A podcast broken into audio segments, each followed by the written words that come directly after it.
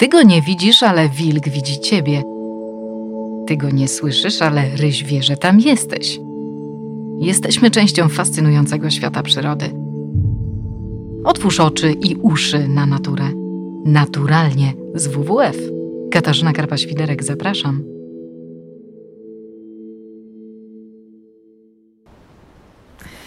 Dzisiaj w absolutnie wyjątkowej scenerii, naturalnie WWF, nagrywamy bowiem z lasu w zachodniopomorskim województwie. Jesteśmy na poligonie drawskim, więc jeżeli usłyszą Państwo jakieś wybuchy, wystrzały, to spokojnie, my jesteśmy bezpieczni, natomiast to tylko potwierdza to, że jesteśmy tu, gdzie jesteśmy.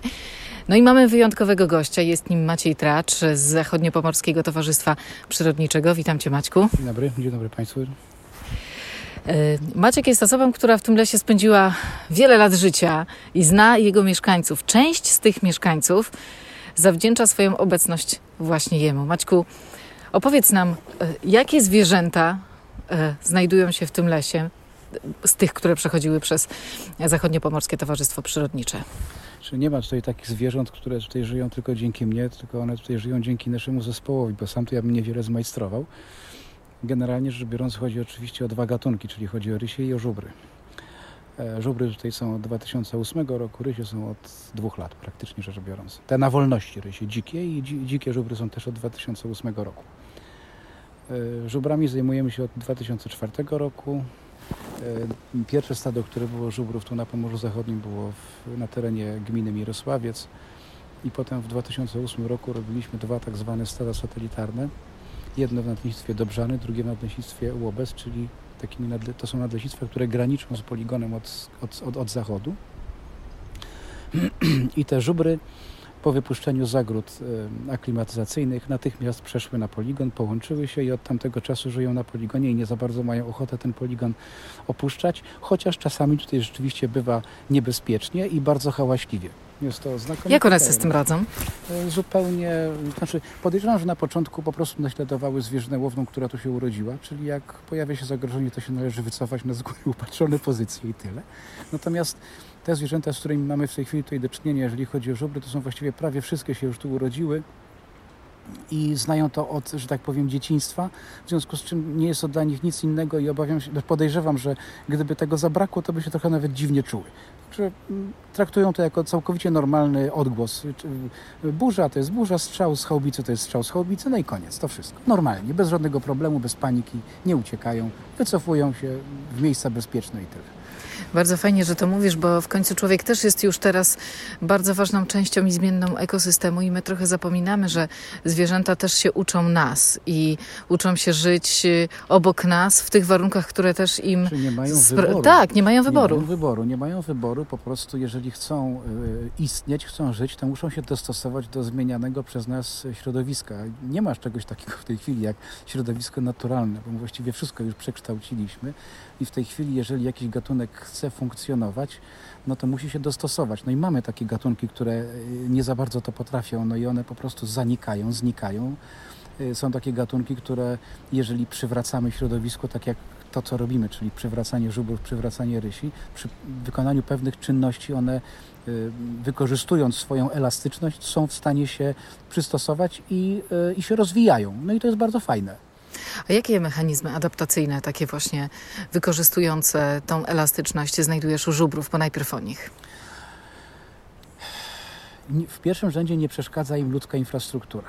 E, po drugie, żubry są takim gatunkiem, które lubią spełniać, spędzać sporo czasu na terenach otwartych. No to, jest, to jest w uproszczeniu krowa, czyli trawojad, czyli one potrzebują dużo masy zielonej, potrzebują terenów otwartych. One tu akurat na poligonie korzystają bardzo chętnie z e, terenów otwartych. No, co to są tereny otwarte? To są strzelnice. Strzelnice pola robocze, czyli miejsca teoretycznie dosyć niebezpieczne, ale przez nie wykorzystywane i w momencie, gdy one są umiejętnie przez nie wykorzystywane, to są całkowicie dla nich bezpieczne.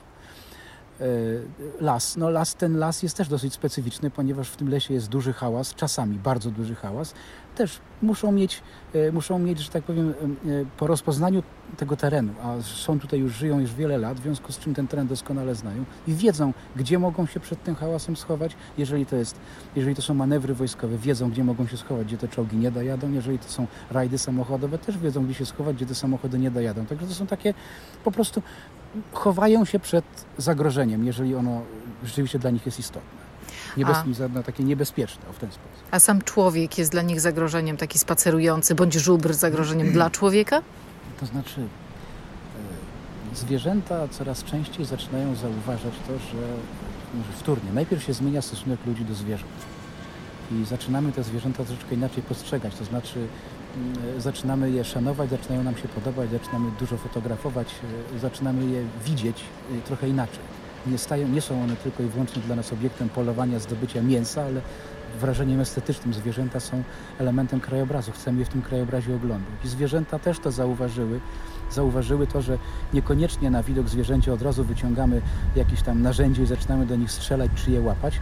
W związku z czym też zaczęły e, człowieka troszeczkę inaczej traktować, to znaczy zaczęły się nas troszeczkę mniej bać, no bo skoro nie robimy im krzywdy, to po co mają się nas bać? Nie boją się drzewa, ponieważ drzewo nie robi im krzywdy przestają się bać człowieka, ponieważ nie zawsze człowiek robi im krzywdę. No i to jest bardzo fajne, bo dzięki temu te zwierzęta możemy y, znacznie częściej oglądać, a one są tym elementem krajobrazu i, i powinniśmy je oglądać, bo czemu nie? Ja powiem Państwu, że to jest fantastyczne iść przez las i nagle spotkać stado takich wielkich, włochatych krów, które sobie gdzieś tam przeżuwają i zwracają na nas uwagę y, w znikomy sposób bądź wcale. Y, tak, przy czym tutaj trzeba wyraźnie, musimy mieć świadomość tego, że te żubry, które żyją na poligonie drawskim, my je troszeczkę y, spaczyliśmy, to znaczy wyszliśmy też, tak powiem, troszeczkę do przodu. Y, to jest teren zamknięty, tak jakby nie było. To jest poligon, to jest teren zamknięty i to stado przygotowaliśmy do takich działań, które, mm, dzięki którym możemy to stado pokazać ludziom, pokazać tak jak dzisiaj, tak? Możemy, może na, na określoną godzinę może przyjechać ekipa telewizyjna, poligon jest otwarty, nas wpuszczają i robimy film. I ten kamerzysta może robić te, te, ten film tak długo, jak długo chce, a nie, że będzie to tylko ruch gałęzi jeżeli byśmy chcieli w ten sposób nakręcić film w jakimkolwiek innym stadzie poza poligonem drawskim, będzie to niemożliwe, ponieważ tamte zwierzęta zachowują się dużo bardziej dziko, czyli byśmy widzieli ruch gałęzi, byśmy je widzieli przez 15-20 sekund, może minuta i to wszystko. Natomiast tu na poligonie możemy w takiej ładnej, leśnej scenerii zrobić takie, taki film dużo dłuższy i te zwierzęta nie będą odczuwały jakiegoś wielkiego dyskomfortu. E, czy one się boją człowieka? Nie, te żubry się nie boją ludzi, dlatego że ludzie im nie robią krzywdy. E, tutaj nigdy nie było polowań, nigdy, no powiedzmy w historii ostatniej, czyli ostatnich 20-30 lat nie było polowań na żubry. One nie zaznały ze strony człowieka jakiejś krzywdy, w związku z czym dlaczego one mają się człowieka bać? Nie chcemy wcale, żeby się bały. Ale i one też nam nie zrobią żadnej krzywdy. Tu nie należy się tego obawiać, nawet jeżeli nagle wejdziemy, wyjdziemy na takie stado żubrów, ono się oddali. Odwróćmy się napięcie i pójdźmy w drugą stronę. Stańmy za drzewem. Nic nam nie zrobią, absolutnie. To nie są agresywne zwierzęta. Są wyjątki takie bardzo smutne od y, tej reguły, o której powiedziałeś, że człowiek mm, tym żubrom nie robi krzywdy. Mieliśmy taką sytuację w zeszłym roku, że żubr został zastrzelony. To było nadleśnictwo Łobez.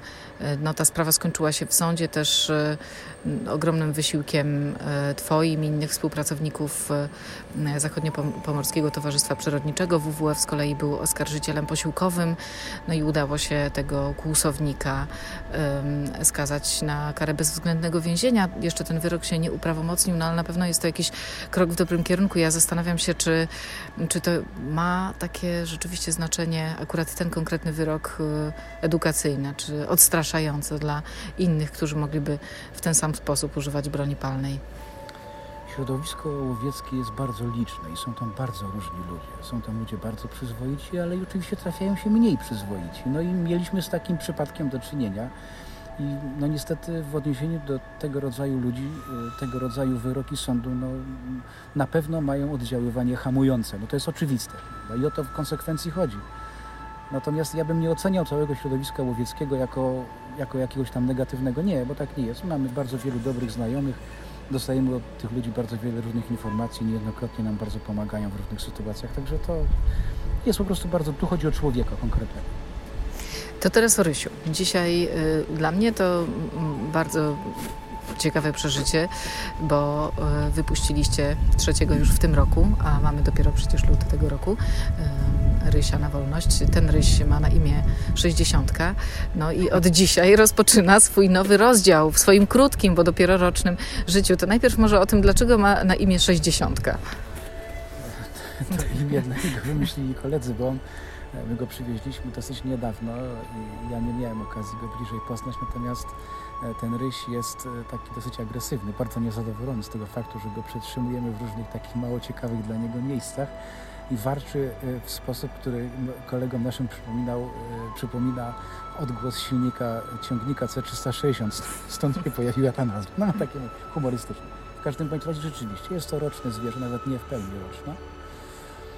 W tym wieku młode rysie usamodzielniają się. To jest zwierzę, które pochodzi z zagrody zamkniętej z Niemiec.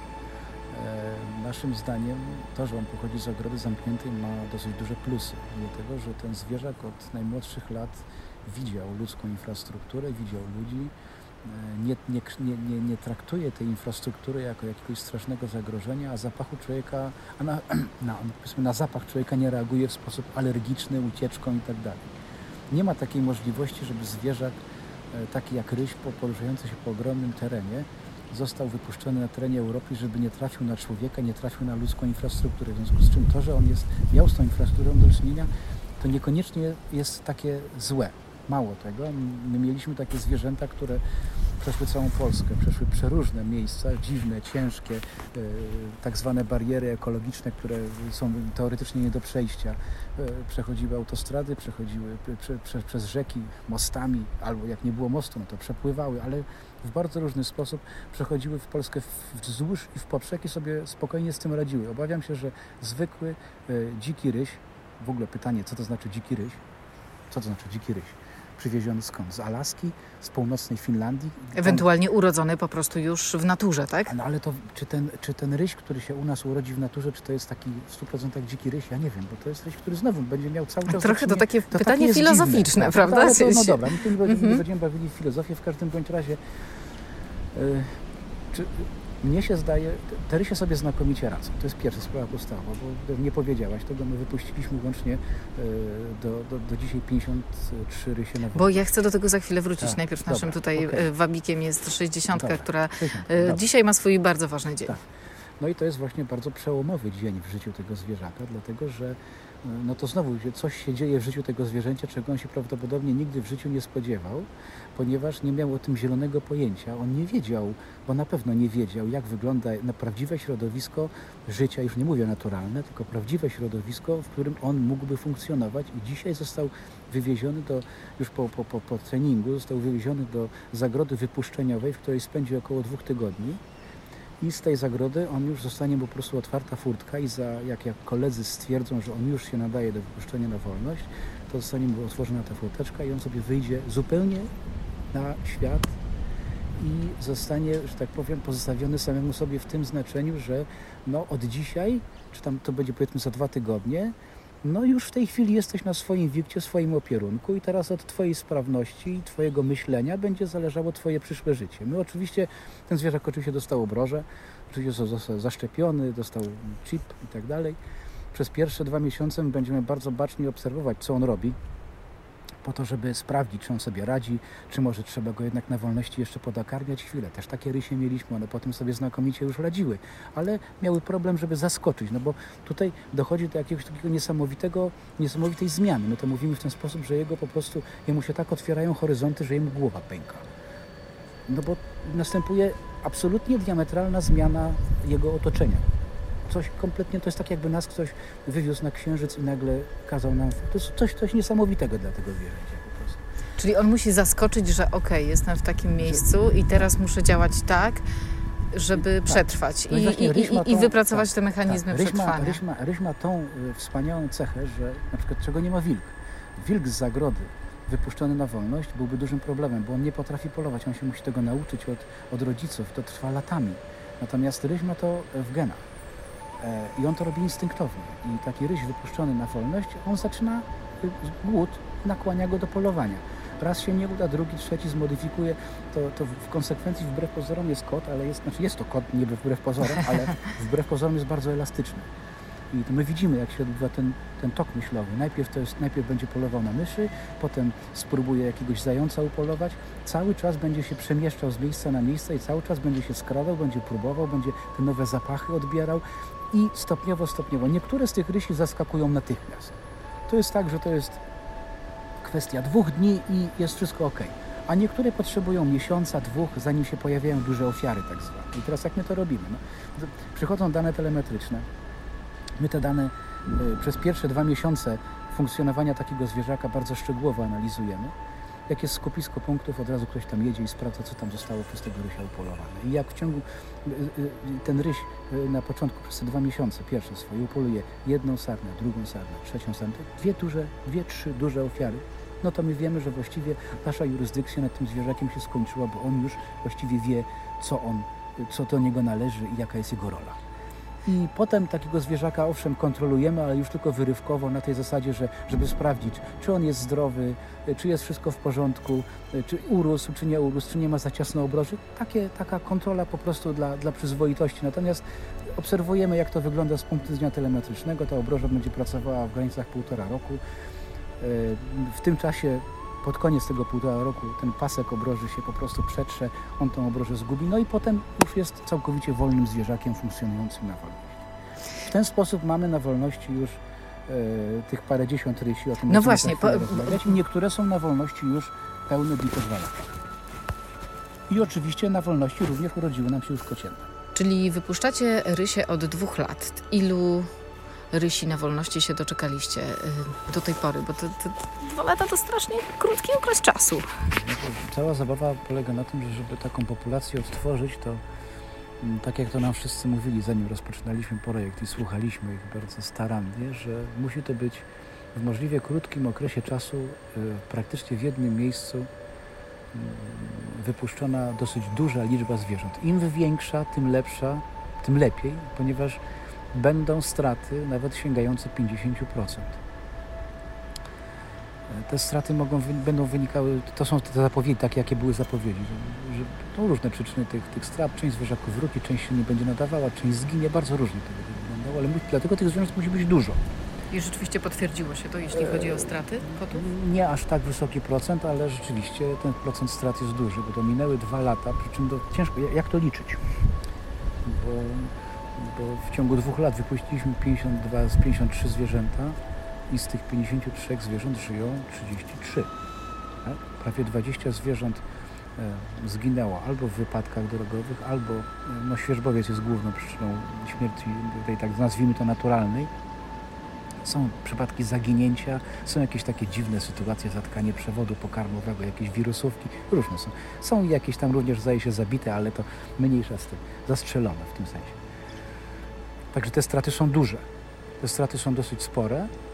E, a w sytuacji, kiedy wypuszczamy zwierzęta roczne, zanim te zwierzęta do, do, dożyją do wieku rozrodczego, mija dosyć sporo czasu i te straty procentowo są coraz większe, no bo zwierzęta giną, a nie mamy rozrodu, prawda? W związku z czym e, złożyło się tak, że część zwierząt, które wypuszczaliśmy, większość to są zwierzęta, te zwierzęta miały rok, jak je wypuszczaliśmy, ale były też zwierzęta starsze. I jako że w pierwszym roku, czyli w 19 roku, 2019, czyli pierwszy rok wypuszczenia rysi, była tylko jedna kotka, która była w wieku reprodukcyjnym i ona oczywiście od razu urodziła dwa, dwa kociaki na wolności, odchowała je, odsadziła. W 2020 roku znowu ta kotka również e, przystąpiła do rozrodu, znowu urodziła tylko tym razem jednego kociaka, no to się marnie skończyło, bo się zaraziła świeżbowcem i teraz tam trochę musimy walczyć, żeby ją uratować, kociak zapewne przepadł ale w roku 2020 do rozrodu przystąpiły już łącznie cztery kotki. Ta, o której mówiłem, plus jeszcze trzy kolejne. Jedna niestety padła wraz z kociakami na jakąś wirusówkę. E, o jednej mamy bardzo mało informacji, ponieważ ona jest bez obroży, także wiemy tylko takie coś, piąta woda po kisielu. A ta ostatnia, e, Ruzia, e, cały czas prowadzi trzy kociaki. I ona jest w średnim wieku, już ma duże szanse, że te kociaki rzeczywiście wyprowadzi. Także ta, ta efektywność tego rozrodu nie jest wcale taka wesoła. Taką populację, którą się odtwarza, trzeba tak długo zasilać zwierzakami e, z zewnątrz, aż ta populacja zacznie sama nadrabiać straty. No bo inaczej zawsze będzie y, bilans ujemny i ta populacja po prostu Będzie zginie. maleć, maleć, maleć, maleć, prostu, aż Tak, my to zauważyliśmy ja już, też w tak, Puszczy Piskiej tak, na Mazurach. Tak, Tam bez tak. tej działalności po prostu tak. już byśmy nie mieli kotów. Tak, ja już tutaj w ogóle nie wspominam o kwestii imbredu, czyli współczynnika spokrewnienia, który w przypadku żubrów jest mało istotny, w przypadku mniej istotny, w przypadku rysi jest, jest bardzo istotny. Czyli to, że za bliskie pokrewieństwo genetyczne powoduje, że rysie W ogóle nie, nic z tego nie będzie. O, nie, okay. nic w ogóle z tego nie będzie. W ogóle nie dojdzie nawet do rozrodu, albo będzie poronienie, albo resorpcja. Nic z tego nie wychodzi. W ogóle albo nawet do kopulacji nie dojdzie. Ale to już pomijając ten jeden aspekt. Czyli jeżeli e, to jest tak wysoki, e, e, jaki jest sens prowadzić projekt, z którym się na przykład sprowadza czy przewozi 4 czy 5 nawet dzikich rysi, skoro śmiertelność będzie zbliżona? Już pomijam te takie aspekty, to, to, to o czym Stefan już mówił nam kiedyś. Był taki projekt, w którym przewoziliście rysie z, z wolności do, z Estonii do Polski. Strasznie długo trwa procedura załatwiania papierów. Ten dziki ryś przetrzymywany jest w różnego rodzaju pomieszczeniach, no bo musi być przetrzymywany, zanim te papiery powstaną. No i mamy takie dwa warianty. Albo ten się przez ten czas oswoi, albo wojuje cały czas. Jak wojuje, no to pazury odrosną, ale zęby już nie odrosną, tak, jak są połamane. Także to jest takie, to jest wszystko bardzo trudne. Poza tym bardzo ciężko jest z wolności w krótkim czasie zdobyć taką ilość zwierząt. Już nie mówiąc o tym, gdzie jest jakaś populacja, z której można byłoby pozyskać w ciągu dwóch lat 60 osobników na przykład. No nie ma chyba. No Rosja. No ale to nie, w ogóle nie wchodzi w rachubę, biorąc pod obecne realia. W związku z czym w zasadzie jedyne miejsce, które, które jest, to są takie właśnie ośrodki zamknięte i rzeczywiście po porozumieniu się z tymi ludźmi w tych ośrodkach zamkniętych można rzeczywiście e, do, z nimi się na tyle porozumieć, że oni te rysie będą rozmnażali, te, które chcemy. One wszystkie są oczywiście badane genetycznie przez profesora Radkiewicza i to on nam dopuszcza zwierzęta do, e, do projektu, czyli najpierw dostajemy próbki włosowe z tych ośrodków, bada je profesor Radkiewicz i decyduje, ten ryś może, ten ryś nie może, my bierzemy tylko te rysie, które mogą i koniec. I z których ośrodków bierzecie, z których krajów? E, to jest głównie Austria, e, Niemcy, Litwa, Łotwa, Estonia. To są, te, to, są te, to są te kraje. Tam się już pojawiają jakieś inne państwa również, które wchodziłyby w rachubę, ale na razie nie braliśmy, to na razie o tym nie mówię. W każdym bądź razie różnie te zwierzęta były w tych ośrodkach karmione.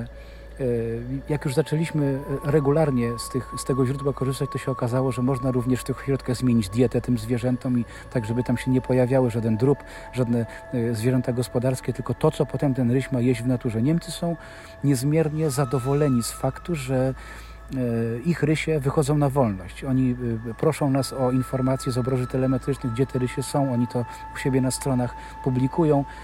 E, Niemcy... A u siebie ich nie wypuszczają? Nie, no, to nie wchodzi w ogóle w rachubę. To jest no, smutna prawda, ale ona taka jest, że biorąc pod uwagę kwestię własności, własności zwierzyny, stopnia urbanizacji tego kraju, Niemiec, Niemiec czy Austrii, w zasadzie utworzenie tam e, jakiejś takiej liczniejszej, e, liczniejszej w sensie powierzchniowym populacji, czyli realizacja takiego projektu, jak my realizujemy, jest kompletnie nierealna. To, to dopiero jak człowiek tam pojeździ, to zobaczy... I czujesz, to... I czujesz na wyjątkowość tego, że jesteś tu i teraz, yy, prawda? Tak, no, że, że, jest, że, możemy robić taki projekt tutaj. Tak, i oni są, i ci ludzie, od których my bierzemy te rysie w Niemczech czy Austrii, oni są doskonale świadomi tego, że u nich to nie wchodzi w ogóle w rachubę. Po prostu nie wchodzi w rachubę i koniec. A tu to wchodzi w rachubę. I jesteśmy w stanie realizować projekty, naprawdę bardzo dobre projekty, z naprawdę fajnymi efektami, mm, których właściwie no, nikt inny realizować nie jest w stanie.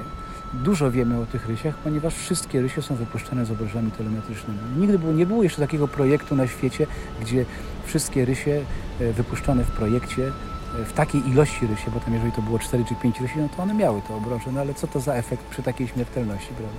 Natomiast jeżeli mówimy o takiej liczebności, tak jak podejrzewam, że skończymy ten projekt przy jakiejś liczbie wypuszczonych rysi około 60, projekt się kończy w tym roku jesienią, no to y, nie było takiego projektu jeszcze na świecie, który by y, był w stanie wyposażyć wszystkie rysie w obroże telemetryczne i to badać. To wychodzą niesamowicie ciekawe, dosyć mocno podważające e, ekologię rysia opisaną w różnych monografiach e, e, zdarzenia i sytuacje. I teraz zdajesz sobie sprawę, że to, co opowiesz, może być nieco obrazoburcze, może znaczy nie, zburzyć nie obraz, no obraz tak, no. rysia, ale tak serio całkiem mówiąc, po prostu dodać wiele danych o rysiu, czy wiele danych dotyczących do, do, do tego, co wiemy o zachowaniu tego gatunku, tym, co robią, jak się zachowują. No to też nie są pełne informacje. No też nie pełne, ale, ale no... Najpełniejsze, jakie można w tej chwili sobie zamarzyć, że tak powiem. Aczkolwiek my, jak już te, te dane otrzymujemy, potem jeździmy w teren, sprawdzamy, kontrolujemy te zwierzaki, co one robią, jak im to wyszło, czyli w jakim nie wyszło, to coś tam się dowiadujemy, ale również sobie uświadamiamy skali tego, co się nie dowiadujemy i czego nie jesteśmy w stanie w żaden sposób ustalić. Natomiast z, tej, z, tych, z, tych, z tych danych telemetrycznych wychodzą niesamowicie ciekawe informacje, takie bardzo sympatyczne, bo w dotychczasowej, jeżeli chodzi o dotychczasową wiedzę o rysiach, w żadnej monografii nie było napisane coś takiego, że na przykład e, samiec czy półbrat e, przejmuje na jakiś czas potomstwo swojej matki czy, czy partnerki i opiekuje się nimi w czasie, kiedy ona już jest w wysokiej ciąży. A nam z telemetrii wychodzą takie sytuacje, wyszły dwa razy takie sytuacje już w tym momencie. Raz wyszła taka sytuacja, że mm, matka przekazała swoją dwójkę młodych pod opiekę, to, ta, ta opieka trwała około miesiąca, swojemu synowi, czyli półrodzeństwu tych młodych, którego urodziła jeszcze w Austrii. I z telemetrii my to zauważyliśmy, że ten półbrat chodził z, tymi swoim, z tym półrodzeństwem swoim, chodził jeszcze około miesiąca i w pewnym momencie oddzielił się jeden z tych młodych od tej trójki, potem się oddzielił drugi, no i już sobie żyły swoim życiem.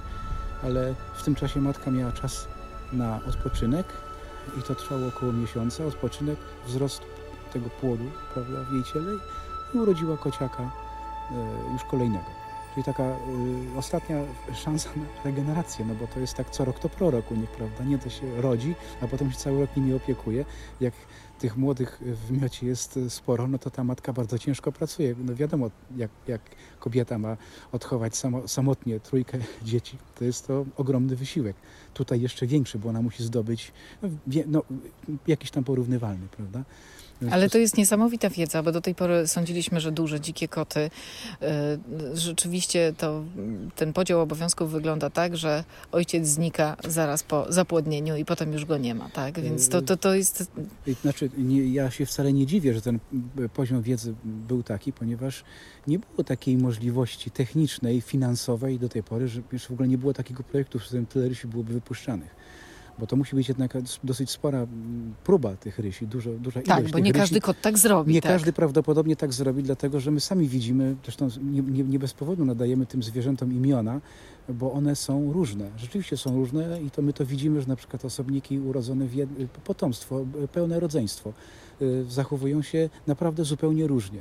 Jeden zwierzak po wypuszczeniu zagrody wypuszczeniowej znika w ciągu tam y, kilku godzin i więcej go nie widujemy, a drugi siedzi dalej w tej zagrodzie przez trzy miesiące i trzeba go wręcz wyganiać z tej zagrody, żeby łaskawie się usamodzielnił. Także to bardzo różnie bywa ale też zdarzały Wam się takie przypadki, że ryś wracał do zagrody, dlatego że kusiła go rysica, a potem już brakowało mu motywacji, żeby z tej zagrody się to znaczy, jak miał, wydostać. No, no to tu właśnie pojawia się pytanie, co było, co, co, co było tą motywacją. Mianowicie, znaczy na pewno motywacją do wejścia do zagrody było to, że samica była w rui i trzeba było tam wejść, żeby wykonać swój obowiązek życiowy. To jest całkowicie zrozumiałe. Tak. Natomiast no, w zagrodzie oczywiście ta rysica była cały czas dokarmiana i ten już w tym momencie pasożyt... To trochę prawda, działał jak truteń. No, troszeczkę jak który tutaj siedział tam i trzeba było go karmić, aż no już jak już byliśmy pewni, że ta samica jest zapłodniona, to wtedy ją odłożyliśmy, przenieśliśmy do innej zagrody, a jemu otworzyliśmy drzwi i powiedzieliśmy, no szanowny panie, ale czas najwyższy już przejść na swój wikt i opierunek. Tym bardziej, że to dorosły kocur, no. Boże święty. Y, Powiedziałeś o imionach. Tak. Możesz się wymienić i powiedzieć, jaki jest, y, y, jaki jest klucz ich nadawania? Y, oto są bardzo różne. Powody są bardzo różne, bo czasami te imiona musimy dosyć szybko wymyślić, w związku z czym jest Ruzia, bo tak miała na imię akurat, skąd ją przywieźliśmy. Są miejsca, gdzie zwierzęta mają ponadawane imiona i stąd się pojawiają takie imiona jak Jurgen, jak Tak, domyślamy się, że pochodzą tak. od zachodnich sąsiadów. Tak, tak. Kleopatra, Cezar, cesarz, cy, cysosz, no przeróżne one są. W każdym bądź razie e, e, Czasami w tych ośrodkach e, te zwierzęta mają nadane imiona, a czasami są tylko numery.